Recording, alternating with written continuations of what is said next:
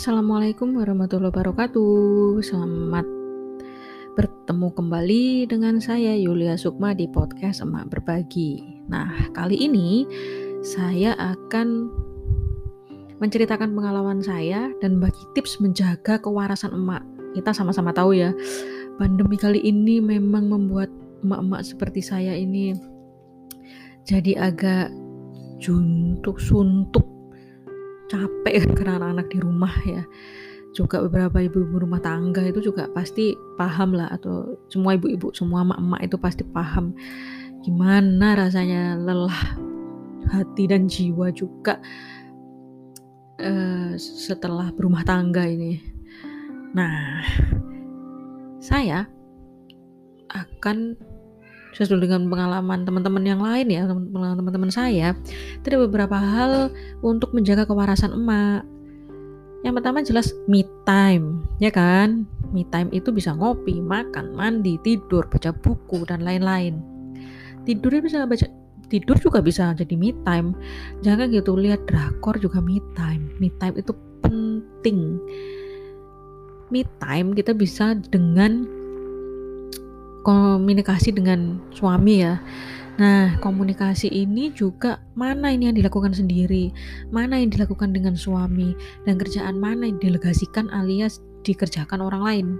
Itu juga penting. Kenapa? Karena itu juga kita juga punya batasan ya. Suami juga punya batasan, semua punya batasan. Nah, paling penting itu adalah komitmen bersama. Gimana ini kita? Kita punya kerjaan ini, kemampuanku segini kamu bisa bantu apa terus apa yang bisa kita delegasikan biar sama-sama punya waktu untuk menikmati dengan dirinya sendiri gitu. Yang paling penting yang pertama emang komitmen ya. Pemahaman antara suami istri itu bagaimana soal uh, bekerja sama itu yang pertama. Apa aja nih kadang bingung ya. Saking banyaknya kerjaan tiba-tiba ada me time gitu kan bisa ngopi mandi terserah kayak saya bilang tadi tidur dan baca buku. Selain itu juga turunkan standar. Karena kayak ibu saya tuh juga gitu orangnya tuh benar-benar perfeksionis sekali karena kalau kita nurutin seperti itu harus rapi dan bersih kadang kita juga capek sendiri ya kan? Apalagi anak-anak masih kecil tuh harus kita sadari turunkan standar. Suami juga menyadari bahwa kita harus turunkan standar dan mana yang jadikan prioritas dan juga dengan me time-nya booster iman. Nah, booster iman itu bisa ngaji, sholat, ikut kajian, dengar ceramah. Beberapa orang merasa nyaman dengan itu, terserah. Bisa juga seperti itu. Ada juga yang bikin list harian. Jangan multitasking. Biasanya yang multitasking satu, satu, satu, satu gitu. Bikin aja list harian hari ini. Aku ngerjakan ini, besok aku ngerjakan ini. Gitu. Kasih juga waktu untuk diri sendiri apalagi nih kalau misalnya mau mitam apalagi nih mempercantik diri boleh belajar make up boleh pakai skincare terserah mencantik diri boleh ke spa. Mencantik diri ini juga bisa menyenangkan suami juga dong ya kan? Selain itu juga temukan lingkungan yang mendukung.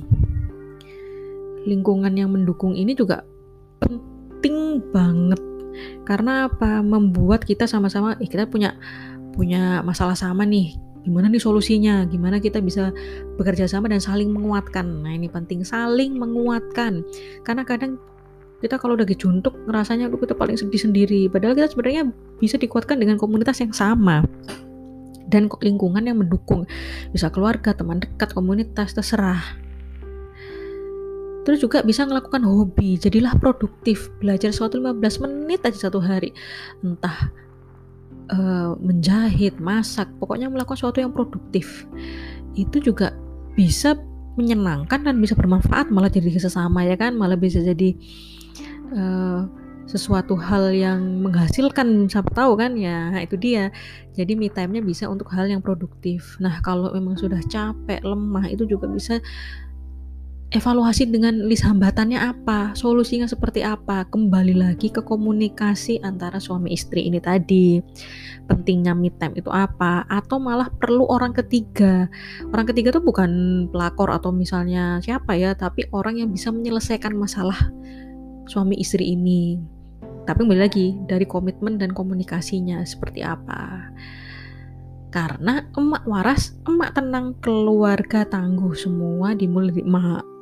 Dimulai dari emak yang bahagia yang akan menghasilkan anak-anak yang bahagia, suami senang, keluarganya juga akan tangguh.